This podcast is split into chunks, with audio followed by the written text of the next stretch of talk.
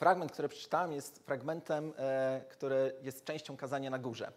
Myślę, że o kazaniu na górze słyszał każdy, bez względu na to, czy pochodzi z kościoła ewangelickiego, czy z katolickiego, czy w ogóle, jeżeli nawet nie jest osobą, która e, interesuje się Bogiem, ponieważ kazanie na górze jest jakby takim, mm, e, takim tekstem, o którym nawet osoby niewierzące lubią mówić, bo kiedy mówi się o Jezusie jako o jednym z wielu nauczycieli, to jest oczywiście zdanie, z którym się nie zgadzamy, ponieważ nie uważam, że Jezus był jednym z wielu nauczycieli. Jezus był Bogiem i tym najważniejszym nauczycielem. Ale świat przychodzi i mówi, że Jezus był jednym z wielu nauczycieli i jego nauczanie w pełni możemy poznać przez kazanie na górze. No więc powiedzmy sobie najpierw trochę o kazaniu na górze. Poproszę Was o chwilę cierpliwości i o to, żebyśmy przez pięć minut przejrzeli całe kazanie na górze i zobaczyli, z jakich części się składa. Ale e, kiedy kazanie na górze zostało powiedziane? To jest ważne pytanie. Kazanie na górze zostało powiedziane na początku działalności Jezusa. To nie jest e, coś, co się dzieje chwilę przed Jego śmiercią. To jest właściwie początek wtedy, kiedy Jezus jest znany i rozpoznany. E, moglibyśmy odważyć się nawet e, na postawienie takiej tezy, że było to coś w rodzaju expose. Wcześniej Jezusa znała jego rodzina, znali jego uczniowie oczywiście, ale czwartym rozdziale, nie, nie, powiedziałem tego, kazanie na górze zapisane jest w dwóch Ewangeliach, w Ewangelii Mateusza, w Ewangelii Łukasza. Ewangelia Mateusza zawiera pełen przekaz kazania na górze i zaczyna się w piątym rozdziale, idzie przez szósty i kończy się z ostatnim wersetem siódmego. Trzy pełne rozdziały Nowego Testamentu, trzy pełne rozdziały Ewangelii Mateusza zawierają właśnie te kazanie na górze. E, gdybyśmy spojrzeli do czwartego rozdziału, to widzimy, że następują tam pierwsze uzdrowienia. Oto Jezus pojawia się już jako nie tylko nauczyciel, ale jako ktoś, komu warto, e, na, na kogo warto zwrócić uwagę. Więc może warto pójść i posłuchać, co ma do powiedzenia.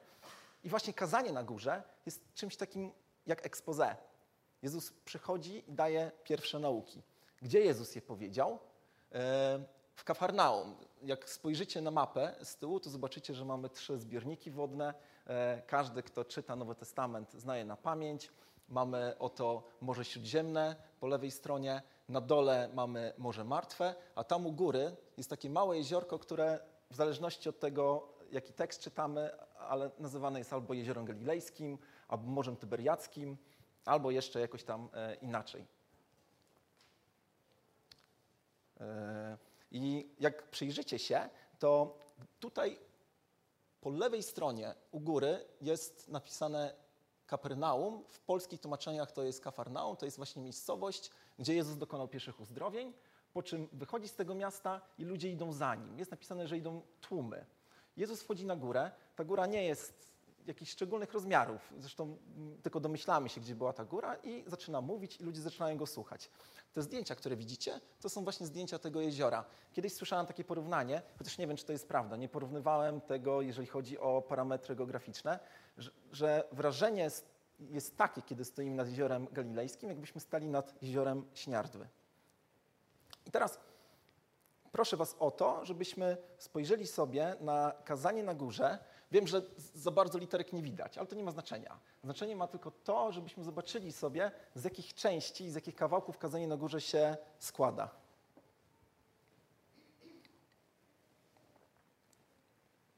Pierwsza bardzo znana część, to są oczywiście błogosławieństwa. To jest ten fragment, który e, osobiście we mnie wzbudza dużo wysiłku intelektualnego. Nie chcę przez to powiedzieć, że inne fragmenty nie wzbudzają, ale tutaj każde zdanie jest potężną, potężnym ładunkiem informacji. E, e, I mało tego, każde zdanie budzi, albo może nie każde, ale niektóre błogosławieństwa budzą nasz niepokój. Bo o co chodzi, że chrześcijanin jest błogosławiony wtedy, kiedy się smuci, kiedy łaknie i pragnie sprawiedliwości i tak dalej, i tak dalej. Weźmy choćby to błogosławieństwo o smuceniu się. Przecież e, w listach pasterskich czytamy o tym, że powinniśmy się radować i cieszyć. To jak to pogodzić? Błogosławieństwa są stratosferycznym, takim spojrzeniem, przedstawieniem cech, jakie chrześcijanin powinien posiadać. Dalej, Jezus mówi o tym, co takiego, e, jak uczniowie, uczniowie Jezusa, chrześcijanie powinni wpływać na świat. Tutaj jest właśnie ten tekst, który mówi o tym, że jesteśmy solą i światłością. I e, podsumowanie e, tego fragmentu jest takie, że powinniśmy tak postępować, żeby ludzie, którzy nie są wierzący, kiedy będą widzieć nasze postępowanie, żeby przychodzili i chwalili Boga. I dla mnie osobiście jest to o tyle odkrywczy fragment, czy było tyle odkrywczy fragment, że od początku, kiedy interesowałem się rolą Kościoła, Kościoła rozumianego jako e, zgrupowanie ludzi wierzących, jaka jest rola Kościoła w świecie, to myślałem o tym, że Kościół jest po to, żeby ewangelizować, bo jest. Jest po to, żeby być filarem i podwaliną prawdy, bo jest. Jest po to, żeby, e, e, żeby ludzie, którzy należą do Kościoła, rozwijali się. To jest wszystko prawda, ale Kościół również jest po to, żeby nieść pomoc i wpływać swoim działaniem na świat, który go otacza. I teraz zobaczcie, spójrzcie na historię, na, na sytuację, którą mamy w, w Polsce. Czy ludzie widząc działanie Kościoła, nie mówię jakiego, dla jasności, czy ludzie widząc działanie Kościoła chwalą i wywyższają Boga, czy jest wręcz odwrotnie? I odpowiedź oczywiście jest negatywna. I e, e, my, jako protestanci, bardzo byśmy chcieli powiedzieć, że to jest przecież Kościół katolicki, e, Kościół, który dominuje u nas w kraju, ale to, że u nas w kraju pogląd na chrześcijaństwo i na Kościół jest właśnie taki, jaki jest, to jest nasza wina również. Lećmy dalej. E, Jezus przychodzi do powiedzenia tego bardzo znanego zdania, że nie myślcie o tym, że przyszedłem, e, że przyszedłem e, unieważnić prawo, że to, co do tej pory było mówione o Bogu, staje się nieważne. Ja przyszedłem to prawo wypełnić. I teraz Myślę, że w tym momencie wszyscy faryzeusze, nauczyciele żydowscy, sadyceusze i cała kasta żydowska poczuła ogromny niepokój. Bo do tej pory można było mówić o Jezusie jako o jednym z wielu nauczycieli. Jako o kimś, kto przychodzi i ma jakieś poglądy. Przecież takich ludzi jak Jezus wcześniej było bardzo wielu, później na pewno też będą. Przecież filozofia grecka miała historię. Przecież Rzymianie też mieli swoich nauczycieli. Jezus jak Jezus jest, przychodzi, mówi, my, teraz mówię jak faryzeusz albo jako nauczyciel żydowski, my mamy Torę. Tora jest dla nas podstawą naszej wiary i jej się trzymamy. Jezus, jakiś tam nauczyciel. I oto Jezus przychodzi i spuszcza, powiedziałbym, bombę atomową, bo mówi tak, nie myślcie o tym, że ja głoszę co innego. Ja bazuję na Torze, na Starym Testamencie, na prorokach, na psalmach. Jeżeli wydaje wam się, żeby przyjść, że przyszedłem, żeby głosić coś innego, to jesteście w największym błędzie. Nie dopuszczę do tego, żeby jedna kropka, jedna jota się zmieniła. I dorzuca jeszcze te tajemnicze zdanie, że ja nie tylko nie zmienię tego prawa, ja je wypełnię. I dalej, w kolejnej części, Jezus będzie pokazywał, na czym polegał błąd. I ja bym powiedział, że to był błąd Izraela w tamtych czasach, ale ja myślę, że to jest błąd Kościoła również dzisiaj. Na czym, e, e, gdzie następowała pomyłka? Bo ówcześnie, w tamtych czasach, Izraelici myśleli sobie, że będziemy podobać się Bogu wtedy, kiedy będziemy przestrzegać przykazań. To jest bardzo ważne, ale mówili tak: skoro nie zabiłem, skoro nie zdradziłem swojej żony, skoro e, chodzę do świątyni i składam ofiary, to przecież jestem najlepszym Żydem, najlepszym naśladowcą Boga, jakim mogę być. A tutaj Jezus przychodzi i bierze kilka pikantnych, zaznaczam pikantnych, nie pierwszych z brzegu, tylko pikantnych przykładów, żeby pokazać, na czym polega problem.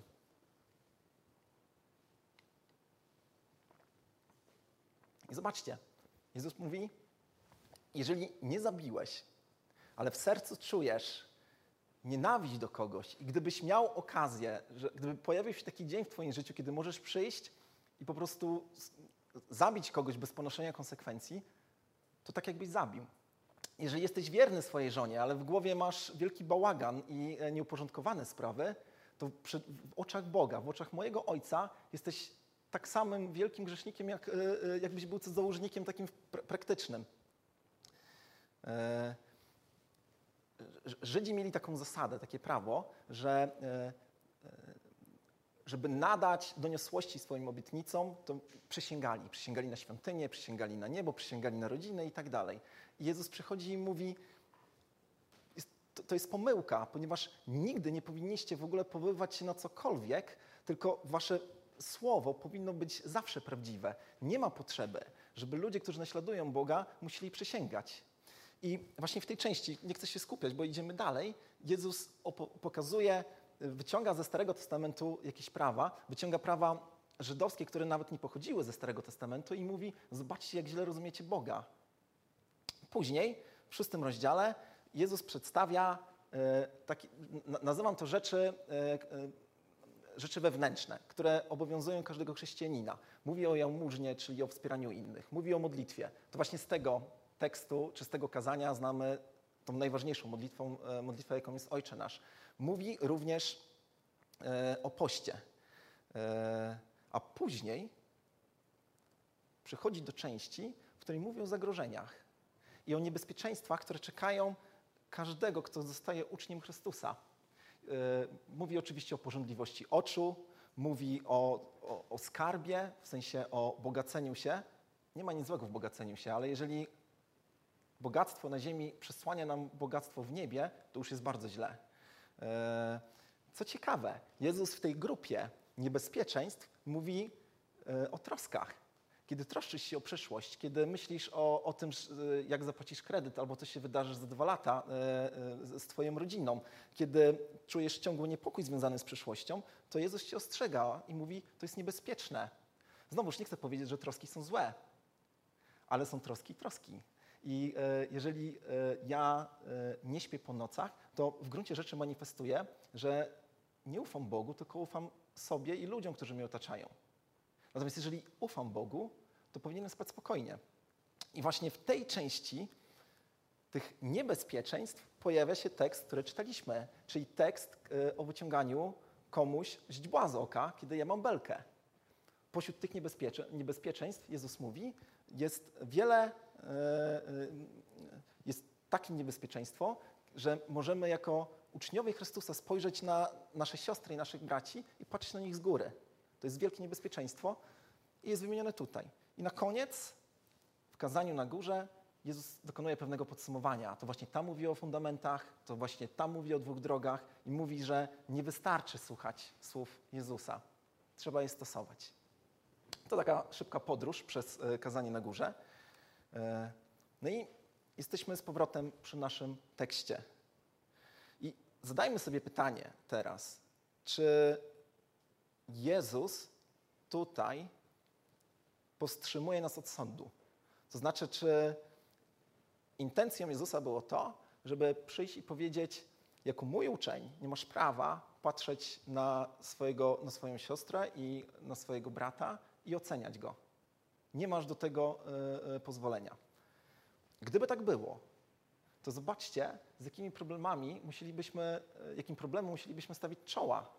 Bo jak stosować dyscyplinę w kościele, kiedy nie dokonuje oceny, albo kiedy nie dokonuje sądu w głowie?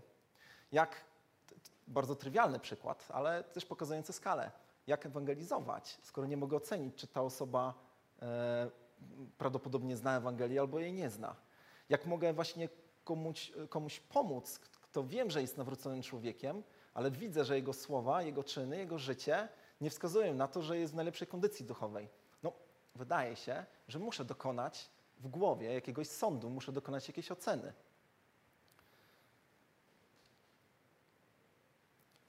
Temat sądu. Słowo sąd w Nowym Testamencie jest w ogóle bardzo ciekawe. Sam doświadczyłem tego, że jeszcze jako młody chrześcijanin, czytając Nowy Testament, miałem wielki nieporządek. I teraz chciałbym, żebyśmy się nad słowem sąd przez chwilę skupili, bo słowo sąd, tak jak kilka innych słów w Nowym Testamencie, może mieć różne znaczenie w zależności od kontekstu. Jeżeli przyjmiemy jedno i te same znaczenie do każdego zdania w Nowym Testamencie, kiedy występuje słowo sąd, to, e, no to wtedy będziemy mieli duże problemy. Więc spróbujmy zobaczyć, co w ogóle Biblia mówi na temat oceny i sądu.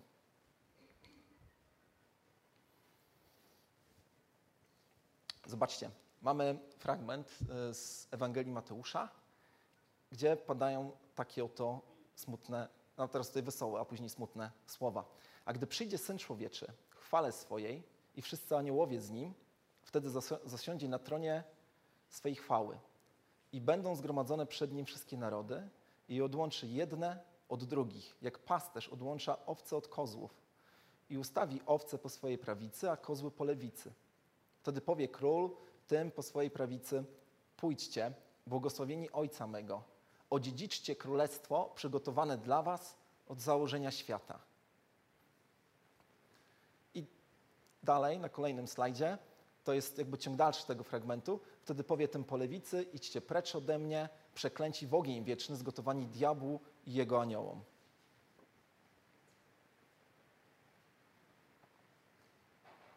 Z jakim sądem kojarzy Wam się ten tekst? Z sądem ostatecznym. Tym, który, e, e, no, z którym kojarzy nam się w ogóle słowo sąd. To jest ten moment w historii, kiedy Jezus jako król rozdzieli, e, po- podzieli nas i powie do jednych: Wy idźcie w lewo do diabła, a wy idźcie w prawo do królestwa, które wam przygotowałem. Oczywiście dzisiaj mówienie o piekle i e, o potępieniu jest bardzo niepopularne i niepolityczne, ale taki jest fakt. Biblia mówi właśnie o takim sądzie. Więc pierwsze słowo sąd, które spotykamy i, i które musimy mieć w głowie, dotyczy właśnie sądu ostatecznego, czyli tego, gdzie, e, em, gdzie niektórzy usłyszą bardzo smutne słowa i niestety tych słów już nie będzie można zmienić. Ale jest dobra wiadomość. Tylko ją zasygnalizuję i jeszcze pod koniec e, tego, e, tego kazania rozwinę ją. Jezus powiedział takie słowa: Zaprawdę, zaprawdę powiadam wam, kto, kto, kto słucha słowa mego i wierzy temu, kto mnie posłał, ma żywot wieczny i nie stanie przed sądem, lecz przeszedł ze śmierci do żywota. Ta, ta dobra wiadomość, jeszcze zaraz pokażę inny tekst, który to potwierdza, mówi o tym, że jest sposób, żeby tego sądu uniknąć.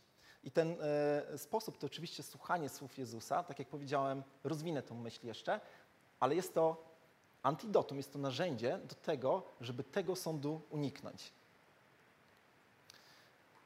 Przeto teraz nie ma żadnego potępienia dla tych, którzy są w Chrystusie Jezusie. Ponownie potwierdzenie tych słów, które powiedziałem wcześniej. Więc podsumujmy sobie pierwsze znaczenie słowo sąd. To jest sąd ostateczny. Ale wydaje mi się, że Biblia mówi jeszcze przynajmniej o dwóch albo o trzech sądach i chciałbym Wam je przedstawić. Fragment z listu do Koryntian. Przeto ktokolwiek by jadł chleb i pił z kielicha pańskiego niegodnie, winien będzie ciała i krwi pańskie, y, pańskiej. Niechże więc człowiek samego siebie doświadcza i tak niech je z chleba tego i z kielicha tego pije. Albowiem kto je i pije niegodnie, nie rozróżniając ciała pańskiego, sąd własny je i pije. Dlatego jest między wami wielu chorych i słabych, a niemało zasnęło. Bo gdybyśmy sami siebie osądzali, nie podlegalibyśmy sądowi. Gdy zaś jesteśmy sądzeni przez Pana, znaczy to, że nas wychowuje, abyśmy wraz ze światem nie zostali potępieni. A tak, bracia moi, gdy się schodzicie, aby jeść, czekajcie jedni na drugich. Jeśli kto głodny, niech je w domu, abyście się na sąd nie schodzili. A zarządzenie co do pozostałych spraw wydam, gdy przyjdę. E, Było, było jest takie miasto Korynt. E, Paweł napisał aż dwa listy do Koryntu i e, gdybyśmy zobaczyli, jaka była e, kondycja kościoła w Koryncie, to byśmy się na pewno nawet dzisiaj za głowę złapali. To był bardzo zepsuty kościół. Tamte miasto było również bardzo zepsute. Była to kolebka grzechu w, pełnej, e, w pełnym wymiarze i działy się tam naprawdę straszne rzeczy. Zresztą zaraz jeszcze zobaczymy to w innym fragmencie. Korynt był tak zróżnicowanym miastem, że e, e, ludzie, którzy się naw- nawracali, również byli zróżnicowani. Jednym z kryteriów podziału tych ludzi było bogactwo. Bo oto w Koryncie byli ludzie, którzy byli bardzo bogaci, e, którym niczego nie brakowało, jak również w Koryncie, w kościele korynckim, były osoby, które były głodne, które nie miały co jeść. I tak jak wiecie, Pan Jezus ustanowił wieczerzę pańską, którą my dzisiaj w kościołach pod różnymi nazwami, wieczerza pańska albo komunia, obchodzimy w czasie nabożeństw. Natomiast w czasach e, wczesnego kościoła wieczerza pańska to było po prostu duże wydarzenie. Właściwie moglibyśmy powiedzieć, że to była kolacja, gdzie schodzili się chrześcijanie i wspólnie spędzali czas, natomiast dedykowali ją Panu Jezusowi i w ten sposób przypominali sobie, co Pan Jezus dla nich zrobił. I oto w Koryncie ta kolacja wyglądała w ten sposób, że jedni jedli, a drudzy patrzyli, jak jedzą i byli głodni. I Paweł oczywiście, jak się o tym dowiedział, napisał, e, napisał list do Koryntian. Tam, tak jak powiedziałem, było wiele innych problemów, ale co ciekawe, Paweł mówi o jakimś sądzie.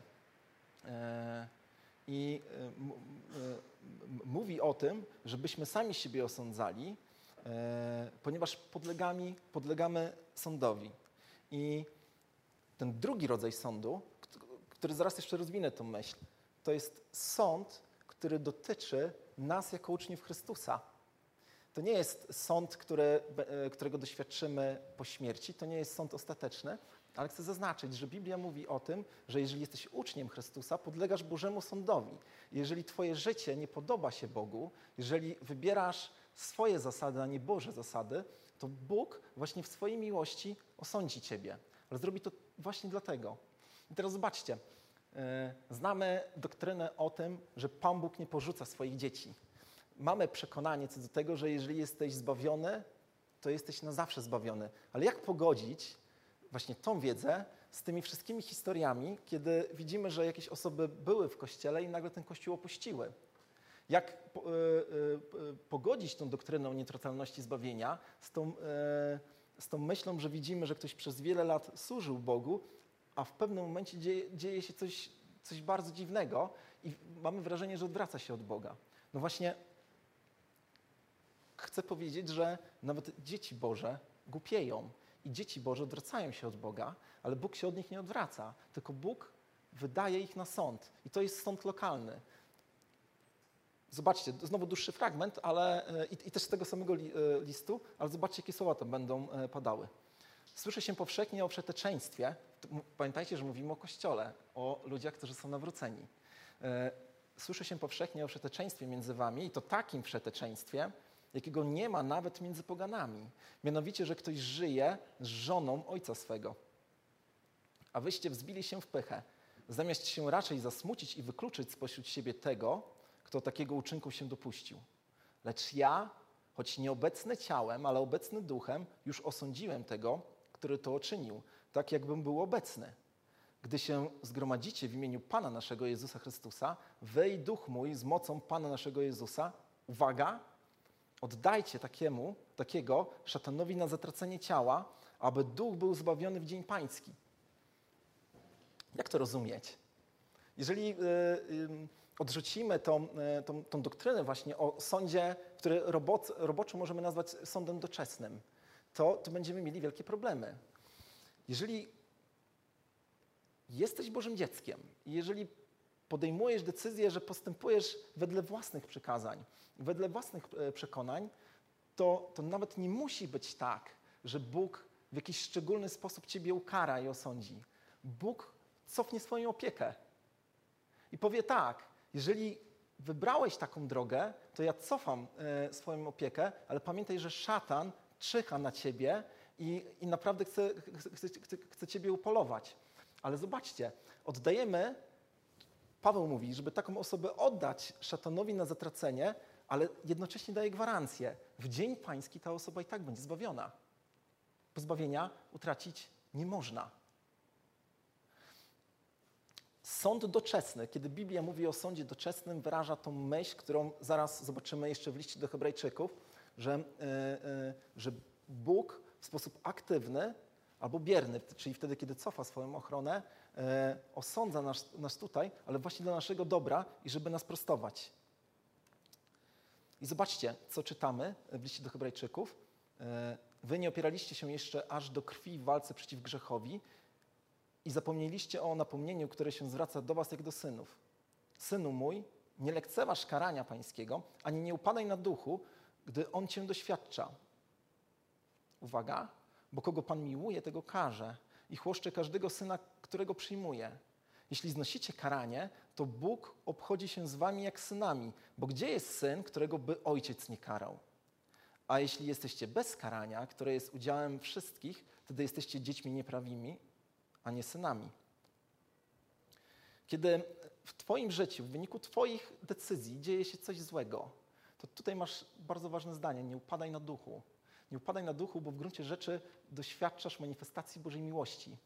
E, I to, że doświadczasz Bożego karania, albo to, że Bóg cofnął e, swoją opiekę, to tak naprawdę jest wyraz Jego miłości.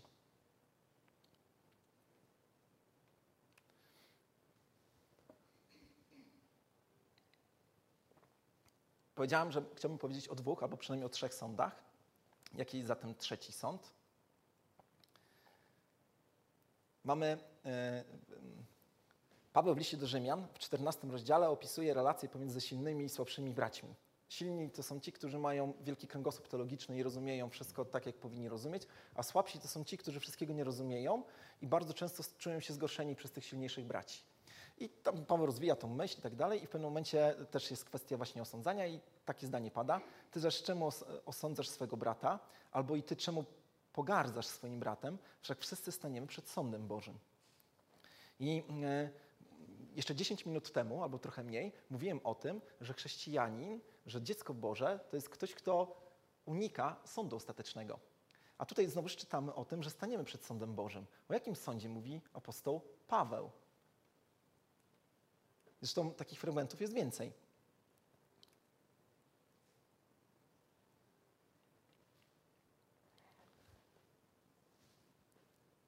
Przeczytam ten fragment i zaraz go skomentuję. Znowuż fragment z listu do, do Koryntian. Według łaski Bożej, która mi jest dana, jako mądry budowniczy założyłem fundament, a inny na nim buduje. Każdy zaś niechaj baczy, jak na nim buduje. Albowiem fundamentu innego nikt nie może założyć oprócz tego, który jest założony, a którym jest Jezus Chrystus. A czy ktoś na tym fundamencie wznosi budowlę ze złota, srebra, drogich kamieni, z drzewa, siana, słomy, to wyjdzie na jaw w jego dziele. Dzień sądny bowiem to pokaże, gdyż w ogniu się objawi, a jakie jest dzieło każdego, wypróbuje ogień. Jeśli czyjeś dzieło zbudowane na tym fundamencie się stoi, ten zapłatę odbierze. Jeśli czyjeś dzieło spłonie, ten szkodę poniesie, lecz on sam zbawiony będzie, tak jednak jak przez ogień. Muszę czytać z dołu, bo tutaj już nie widzę dolnych, e, dolnych linijek. Zobaczmy, apostoł Paweł mówi o tym, że jakiś sąd pod koniec naszego życia nas czeka, jakaś ocena. E, mówi o tym, że wszyscy, tak jak tutaj jesteśmy, i dzisiaj, kiedy pójdziemy do pracy i przez resztę naszego życia, budujemy jakąś budowlę. Ta budowla będzie albo zbudowana, oczywiście jest analogia, albo ze słomy, albo z kamienia, albo z drewna, albo z czegoś innego. I przyjdzie taki moment, kiedy staniemy przed Bogiem, staniemy przed Bogiem ze świadomością, to ten sąd nie decyduje o tym, czy pójdę do nieba, czy do piekła, bo już wiem, że pójdę do nieba, bo już wiem, że wszystko mi zostało odpuszczone. Ale stanę przed Chrystusem i będę musiał powiedzieć, zdać sprawę z tego, jak wyglądała moja służba tutaj, jak wyglądało moje życie. Więc trochę wstydu będzie trzeba się najeść. I y, ten fragment znowuż mówi o tym, że ten test, ten sąd będzie wyglądał jak ogień. Ale e, spójrzcie na ostatnie zdanie, że on sam zbawiony będzie. Więc ten trzeci sąd, obok sądu ostatecznego i tego sądu doczesnego, to jest sąd, który dotyczy każdego z nas.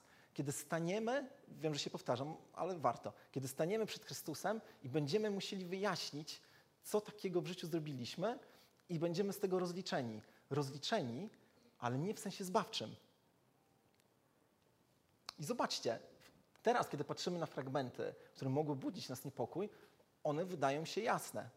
W drugim liście do Koryntian, albowiem my wszyscy musimy stanąć przed sądem Chrystusowym, aby każdy odebrał zapłatę za uczynki swoje, dokonane w ciele, dobre czy złe. Gdybyśmy przyjęli taką zasadę, że obowiązuje w Nowym Testamencie tylko jedno słowo sąd, no to, no to jak to jest? To jesteśmy zbawieni, czy nie jesteśmy? Jesteśmy, ale odpowiemy za nasze uczynki. Pójdziemy do nieba, ale będziemy musieli zdać relację z tego, co w naszym życiu się wydarzyło. Każdy zaś niech bada własne postępowanie, a wtedy będzie miał uzasadnienie chluby wyłącznie w sobie samym, a nie w porównaniu z drugim. Albowiem każdy własny ciężar poniesie. Paweł w liście do Galacjan e, również e, zapowiada właśnie ten dzień sądu. Są również fragmenty, e, które można rozumieć no, może nie, nie w jeden sposób, ale chcę Wam przedstawić, jak ja rozumiem jedno zdanie w tym fragmencie, który teraz Wam przeczytam. Tutaj Paweł pisze do Tymoteusza. Niech Pan okaże miłosierdzi domowi Onezyfora, bo mnie często pokrzepiał, a więzów moich się nie wstydził. Ale będąc w Rzymie, usilnie mnie szukał i znalazł. Niech mu Pan da, aby znalazł miłosierdzie u Pana w owym dniu. A jak wiele usług oddał mi w Efezie, w Efezie Ty wiesz najlepiej. O jakim owym dniu mówi znowuż Paweł? Przecież nie mówi o dniach, które miały się wydarzyć e, no, chwilę po tym, jak ten list został napisany. Zresztą ten list został napisany chwilą przed śmiercią Pawła. On zapowiada jakiś, jakiś dzień. I to jest właśnie ten dzień. Paweł mówi o, o tym, że liczy na to, że Bóg weźmie również e, pod uwagę to, co one Zyfor uczynił dla Pawła. No i zobaczcie, e, to jest ten fragment z Apokalipsy, gdzie apostoł Jan widział ciebie, mnie, każdego, mam nadzieję, że każdego z nas, jak tutaj jesteśmy, albo prawie każdego, i powiedział i usłyszałem głos z nieba mówiący, napisz, błogosławieni są odtąd umarli, którzy w Panu umierają, zaprawdę mówi duch, odpoczną po pracach swoich, uczynki ich bowiem idą za nimi.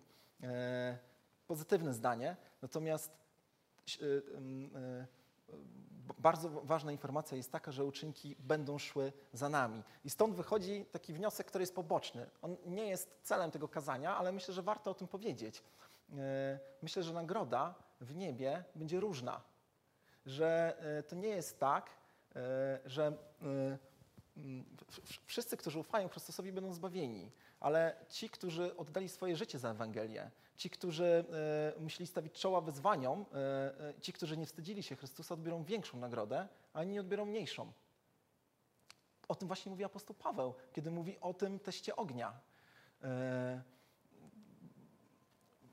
Myślę, że to będzie tak, że ci, którzy odbiorą mniejszą nagrodę, nie będą czuli, że odebrali mniejszą nagrodę ale zróżnicowanie będzie. Zresztą to samo dotyczy również karania. Kara potępienia dla jednych będzie większa, dla drugich mniejsza. Zobaczcie, że kiedy Jezus płacze nad Jerozolimą, to, y, to, to porównuje ją do innych miast i mówi, że, y, że sytuacja w Jerozolimie, że ludzie w Jerozolimie widzieli Jezusa na własne oczy, a się nie nawracali. Sprawdźcie to w swoich Bibliach, e, jak będziecie zainteresowani tym tematem. Więc mamy trzy sądy. Trzy sądy, e, które pojawiają się w Biblii. Sąd ostateczny, sąd doczesny i ten sąd, gdzie my wszyscy staniemy i będziemy musieli przed Panem Bogiem zdać relację z tego, co uczyniliśmy. No i teraz wracamy do tego, e, o czym czytaliśmy. Jak wyciągnąć źdźbło z oka. W gruncie rzeczy, jak dokonać ten czwarty sąd, o którym mówi Biblia, czyli mój sąd wobec mojego brata i sąd mojego brata wobec mnie. Kiedy mój brat przychodzi i widzi, że coś jest ze mną nie tak i musi dokonać oceny mojej i musi coś zrobić. Jak to powinno wyglądać? Po pierwsze, e, pamiętaj, czy pamiętajmy o tym, że jesteśmy odpowiedzialni, za swoje siostry i za swoich braci ten fragment o wyciąganiu y, źdźbła, kiedy ja mam belkę, można by było zrozumieć w taki sposób, że no w gruncie rzeczy to lepiej nic nie robić, y, żeby przypadkiem nie narazić się na to, że ja, który mam belkę, próbuję wyciągnąć komuś źdźbło. Ale tak naprawdę y, tak nie należy tego rozumieć. I przed każdym z nas spoczywa obligacja co do tego, żeby wziąć odpowiedzialność za siostry i braci. I zobaczcie, w liście do Hebrajczyków mamy takie, takie właśnie oto słowa. Baczmy jedni na drugich w celu pobudzenia się do miłości i dobrych uczynków. To jest nasze zadanie. Fragment z Ewangelii Mateusza. A jeśli by zgrzeszył brat twój, idź upomnij go sam na sam. Jeśli cię usłuchał, pozyskałeś brata swego. Kiedy widzisz, że u kogoś e, z twojego otoczenia e, dzieje się coś złego, to twoim obowiązkiem jest pójść i ratować go. I jak powinniśmy to robić? No, po, po, pierwsze, musimy pamiętać o tym, że ty i ja będziemy osądzeni. Tak? Yy, więc ja ze świadomością tego, że moje grzechy kiedyś będą położone na tapet i będę musiał się z nich rozliczyć, właśnie z tą świadomością idę do mojego brata albo do mojej siostry i z nim rozmawiam. Ale powiem jeszcze inaczej. Pomyśl o tym, że twój brat też będzie osądzony I e, kiedy widzisz grzech w jego życiu, to spróbuj pomyśl o tym, co zrobić, żeby ten sąd dla niego był bardziej przyjemny niż mniej przyjemny. Druga rzecz, musisz być świadomy swojego brudu i bałaganu, który się dzieje w Twoim sercu, w Twojej głowie. E, bo właśnie dzięki temu Ty możesz pójść i ratować swojego brata i swoją siostrę. Wtedy tak naprawdę nie patrzysz na nikogo z wyższością, tylko wtedy idzie z misją.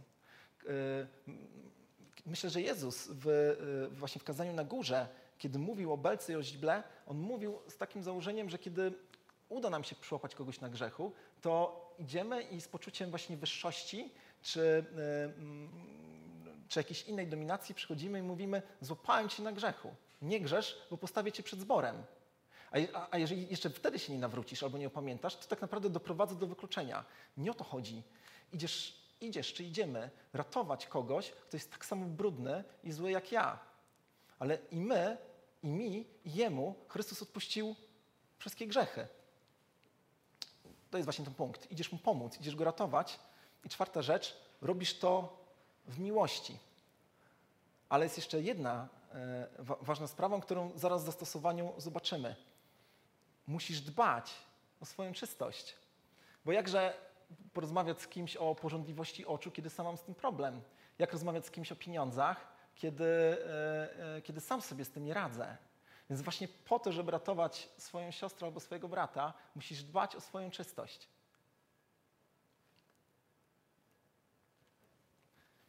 Jakie zadania stoją dzisiaj przed nami po tym nabożeństwie? Po pierwsze, znajdź powiernika, osobę, której będziesz opowiadał o swoich grzechach. Biblia o tym mówi. Biblia mówi o tym, że powinniśmy wyznawać swoje grzechy. Może niekoniecznie tutaj na tym miejscu, chociaż to nie jest zły pomysł, ale powinien być ktoś, do kogo idę i mówię mu, mam problem z tym i z tamtym. Jest to największy wstyd, ale właśnie w ten sposób walczę o swoją czystość. Zobaczcie, Jakub namawia nas do tego. Wyznawajcie wtedy grzechy jedni drugim i módlcie się jedni za drugich, abyście byli uzdrowieni. Wiele może usilna modlitwa sprawiedliwego. Kiedy masz problem z grzechem, e, to w gruncie rzeczy pamiętaj, że walczysz o Królestwo Boże, i kiedy idziesz do, do kogoś i opowiadasz o tym grzechu, kiedy wstydzisz się, to tak naprawdę wzmacnia, e, e, wzmacniasz swoje tyły, po to, żebyś mógł pomagać innym. To jest pierwsza rzecz. Pomyśl o osobie, do której pójdziesz, kiedy będziesz miał problem z jakimś grzechem. Druga rzecz, zrób listę osób, za, którą, za których bierzesz odpowiedzialność i bądź odpowiedzialny za nich. To są te osoby, którym będziesz się przyglądał to jest złe określenie, e, u której będziesz się modlił i kiedy zobaczysz, że coś się dzieje, będziesz miał w sobie odwagę, żeby zdobyć się i pójść e, i przeprowadzić z nimi szczerą rozmowę. I w końcu pomyśl o kimś, o kim nikt nie pomyślał. Zanim, e, zanim to rozwinę, to może przeczytam jeszcze fragment z Jakuba. Czystą i nieskalaną pobożnością przed Bogiem i Ojcem jest to, nieść pomoc sierotom i wdowom w ich niedoli i zachowywać siebie niesplamionym przez świat. Zobaczcie, że intuicyjnie postrzegamy pobożność jako y, raczej bierną czynność. Jestem pobożny wtedy, kiedy nie robię czegoś, kiedy unikam czegoś, no może kiedy chodzę do kościoła, to, to, to, to jest pobożność. No nie? A Jakub mówi, tak naprawdę, kiedy myślisz o pobożności, to mówisz, że jesteś aktywny i niesiesz pomoc. Akurat mówi o sierotach i wdowach. E, sierota i wdowa to jest osoba, e, to, to, tak to oceniam, interpretuję, mm, to jest osoba, która nie ma do kogo się zwrócić o pomoc. I gdyby przekładając to na nasze dzisiejsze realia, to bym powiedział, to są to osoby w kościele albo poza kościołem, z którymi tak nie za bardzo lubimy rozmawiać i nikt nie lubi rozmawiać. Bo, bo, albo będą za dużo gadały na tematy, które nas nie interesują, albo e, e, nie są interesujące, albo może od nich śmierdzi, albo jest dużo innych e, argumentów, żeby po prostu ich unikać. I liczymy na to, że ktoś inny z taką osobą porozmawia. Więc cofając się tutaj, pomyśl o takiej osobie. I kiedy będziesz robił tą listę, mam nadzieję, że jeszcze dzisiaj wieczorem osób, za które jesteś odpowiedzialny i za które będziesz odpowiedzialny, to wskażesz sobie też taką osobę, o której nikt inny nie pomyśli i będzie za nią odpowiedzialny. Na koniec. bo już zbliżamy się do końca. E, tak jak powiedziałem e, gdzieś na początku albo e, w połowie, jest dobra wiadomość. Dobra wiadomość dotycząca sądu ostatecznego. Biblia mówi o tym, że sąd ostateczny jest realną rzeczą i że jeżeli nie wydarzy się w Twoim życiu coś, co powinno się wydarzyć, o czym zaraz powiem, to staniesz przed Bogiem, ale będzie już za późno. Natomiast sprawa jest bardzo prosta i chcę powiedzieć o czterech krokach, o czterech rzeczach, albo przekazać cztery informacje do Ciebie, jeżeli jeszcze nie podjąłeś decyzji w swoim życiu. Po pierwsze, odwróć się od swojego grzechu. Paweł, kiedy był w Efezie, e, Paweł w Efezie był parę razy, ale był taki moment, kiedy przybył do Efezu i powiedział e, wszystkim starszym e, i jakby tamtejszemu kościołowi, że to jest ostatni raz, już nigdy więcej mi tutaj nie będzie. Czytamy w 20 rozdziale dziejów apostolskich, że był płacz, były łzy i tak dalej, ale Paweł tam w pewnym momencie opowiada, co robił, zdaje relacje ze swojej służby i mówi w pewnym momencie, że wzywając zarówno Żydów, jak i Greków do upamiętania się przed Bogiem i do wiary w Pana Jezusa i idzie dalej. To jest rzecz, którą robił Paweł i o której mówi Biblia, że my jako chrześcijanie wzywamy świat do tego, żeby się upamiętał i żeby uwierzył w Pana Jezusa. Więc kiedy mówimy o tym, żeby odwrócić się od grzechów, to, to w gruncie rzeczy mówimy właśnie o upamiętaniu. Ale tutaj jest bardzo ważna informacja. Jak ty, jak ja, jeszcze wtedy, kiedy nie byłem, e, nie znałem Chrystusa, jak mogę się odwrócić od grzechów, skoro sama Biblia mówi o tym, że grzech w moim ciele jest silniejszy ode mnie. Więc upamiętanie się to jest ten moment, kiedy ty mówisz, chciałbym nie grzeszyć. Chciałbym, Panie, w ogóle nie czuć pokusy. Chciałbym przyjść do Ciebie i się Tobie podobać. Deklaruję Tobie, żebym chciał. Nie jestem w stanie tego zrobić, ale deklaruję, żebym chciał. Jest mi wstyd z tego powodu, że grzeszę. Mało tego, cały czas myślę w głowie, że niektóre sprawy, które się Tobie nie podobają, bardzo mi się podobają. Ale Panie, jeżeli masz taką moc, żeby mnie zmienić, to mnie zmieniaj. Więc pierwszy krok mówi właśnie o pamiętaniu. Drugi krok, który możesz uczynić, to jest uwierzenie w Jezusa. E, przeczytam fragment. O nim to świadczą wszyscy prorocy, iż każdy, kto w Niego wierzy, dostąpi odpuszczenia grzechów przez imię Jego. Mm. E, kiedy mówimy o wierze w Jezusa, to nie mamy na myśli tego, że uwierzę w historycznego Jezusa tylko. W to też muszę, powinienem wierzyć. Nie, nie, wierzę tylko w to, że e, była taka osoba jak Jezus, która chodziła po ziemi. E, kiedy mówimy o wierze w Jezusa, to mówimy, że wierzę w to, co On uczynił. A wiemy o tym, że Jezus umarł i zmartwychwstał i wiemy, że to manifestuje wielkie dzieło, jakie Bóg zaplanował. Więc mm, mm również tutaj czytamy y, o tym, że wszyscy prorocy, gdybyśmy wzięli sta, cały Stary Testament, to wszyscy prorocy zapowiadali, że y, pojawi się ktoś taki jak Jezus i y, każdy, kto w Niego uwierzy, dostąpi odpuszczenia grzechów. I bardzo ważna informacja, mówimy o grzechach nie tylko tych, które popełniliśmy, ale również o tych grzechach, które popełnimy. Trzecia rzecz, czy trzeci, trzecia informacja, którą chciałbym Ci przekazać, to to, że Twoja wiara da Ci życie wieczne. E, I tutaj mam dwa takie fragmenty. Jana 3,16, myślę, że każdy z nas zna go na pamięć. Albowiem tak Bóg umiłował świat, że Syna swego narodzonego dał, aby każdy, kto weń wierzy, nie zginął, ale miał żywot wieczny. I e, e, zwróćmy uwagę, że tutaj nie mówimy o, o jakichś warunkach, tylko mówimy, że każdy, kto wierzy, ma żywot wieczny. Każdy, kto wierzy, przeskoczył z sądu tego ostatecznego i już na niego nie trafi.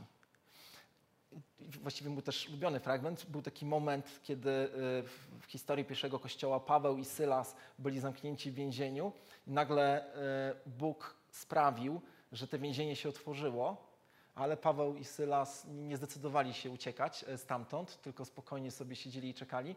I w pewnym momencie przychodzi strażnik z takim przekonaniem, że Paweł uciekł i y, ma w głowie decyzję o tym, żeby popełnić samobójstwo, więc Paweł go uprzedza i mówi, nie zabijaj się, bo my tutaj jesteśmy. I wtedy ten, ten strażnik właśnie, widząc tą całą sytuację, zadaje pytanie, panowie, co mam czynić, aby był zbawiony? I co odpowiada Paweł? Paweł mówi, że musisz się zapisać do kościoła baptystów, musisz wziąć chrzest i musisz zrobić to i tamto. Nie. On mówi, uwierz w Pana Jezusa, będzie zbawiony ty i twój dom. I koniec. W końcu czwarta rzecz e, jest taka, że jeżeli zrobisz te trzy kroki, to możesz być pewny, że ja i ty, i myślę, że wiele osób stąd, razem spotkamy się w niebie. Ponieważ Biblia mówi o tym, że mamy prawo do tego, żeby być pewnym tego, że pójdziemy do nieba. Nie dlatego, że na to zasłużyliśmy, dla jasności, bo zasłużyliśmy na zupełnie coś innego, ale dlatego, że Bóg zrobił to wszystko za nas. I na zakończenie dwa fragmenty. Jeśli wyznajemy grzechy swoje, wierny jest Bóg i sprawiedliwy i odpuści nam grzechy i oczyści nas od wszelkiej nieprawości. I drugi fragment, to napisałem wam, to również Jan Pisek, e, pisze, którzy wierzycie w imię Syna Bożego, abyście wiedzieli, że macie żywot wieczny. Amen. Zapraszam do powstania. Jeżeli czujecie w sercu, to zapraszam do głośnej modlitwy. Ja zakończę.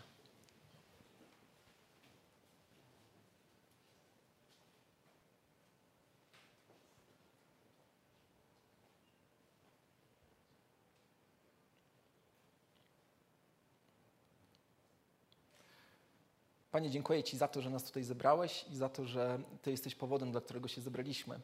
E, I w tym miejscu, Panie, chcę Tobie podziękować za Twoje wielkie dzieła, za to, że Ty stworzyłeś ten świat, za to, że dokonałeś e, że, że regularnie e, wpływałeś na historię, że wtedy, kiedy Adam i Ewa zgrzeszyli, to Ty już ratowałeś. Kiedy ludzkość się zepsuła, to Ty posłałeś Noego.